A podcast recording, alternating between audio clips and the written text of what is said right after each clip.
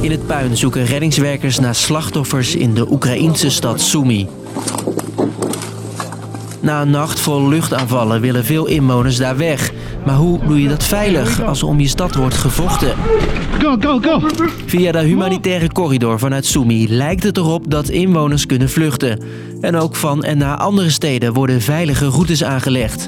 Ik ben Jasper en vertel hoe humanitaire corridors werken, hoe veilig ze zijn en waar ze naartoe gaan. Een podcast van NOS op 3 en 3FM. Laat ik beginnen bij die term, humanitaire corridors. Simpel gezegd is het een afgesproken route waar doorheen burgers het oorlogsgebied veilig kunnen verlaten. Go. Alle blokkades gaan aan de kant en de wapens worden neergelegd. Je hoort de oorlogsdeskundige Bob Deen. Rusland heeft zes corridors afgekondigd uit vier grote Oekraïnse steden. Van die zes corridors gaan er vier naar Rusland toe. Waarom die vluchtroutes juist naar Rusland gaan, vertel ik je straks. Mensen die de stad uit willen, doen dat lopend of met hun eigen auto. En ook zetten hulporganisaties bussen in. Tegelijkertijd gebruiken hulporganisaties de veilige route om de getroffen steden in te gaan. Om zo eten, water en medicijnen te brengen naar de mensen die achterblijven. Het gesprek over humanitaire corridors begon na een oproep van de burgemeester van de stad Mariupol in het zuiden van Oekraïne. Kritische belangrijke infrastructuur.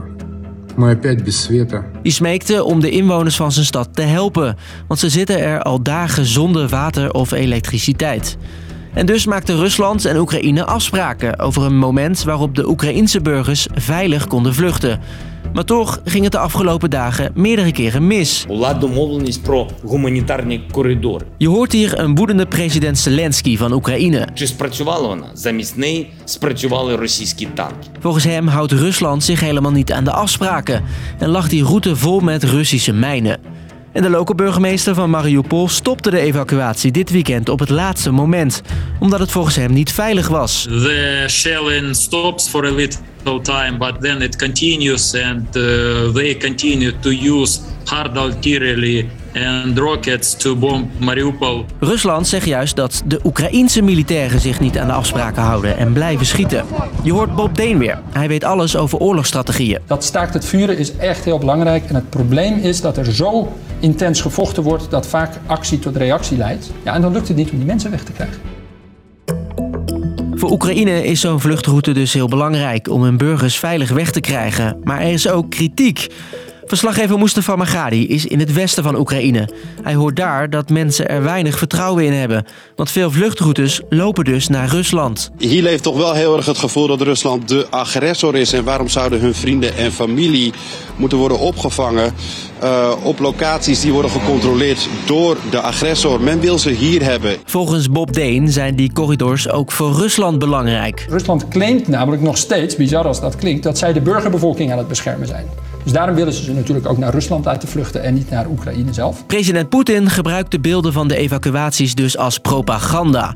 Om Russen te laten zien dat hij geen oorlog voert, maar juist Oekraïners bevrijdt van een volgens hem neonazi-regering. En dat niet alleen. Het tweede is, zo'n staakt het vuren geeft die krijgsmachten van beide landen ook even kans om zich te herpakken. En met name voor de Russen met hun logistieke problemen, ze hebben echt zware verliezen geleden. Door de evacuaties veranderen Oekraïnse steden in een soort spookstad.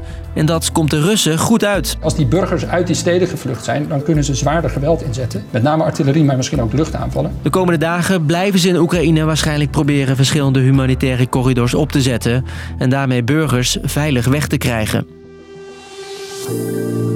Dus, lang verhaal kort. De afgelopen dagen is meerdere keren geprobeerd om humanitaire corridors op te zetten. Via die aangewezen routes kunnen burgers veilig vluchten en hulporganisaties gebruiken het om medicijnen en eten naar de getroffen gebieden te brengen. Ook voor Rusland zijn die routes belangrijk. Poetin gebruikt de beelden voor zijn propaganda, maar ook strategisch is het handig. Militairen kunnen op adem komen en een lege stad is makkelijk aan te vallen. Was de podcast voor nu? We maken extra veel afleveringen over de oorlog in Oekraïne om je uitleg te geven bij het nieuws. Die vind je elke werkdag rond 5 uur in je app. En heb je zelf vragen? Mail dan naar lvk.nos.nl. Dank voor het luisteren.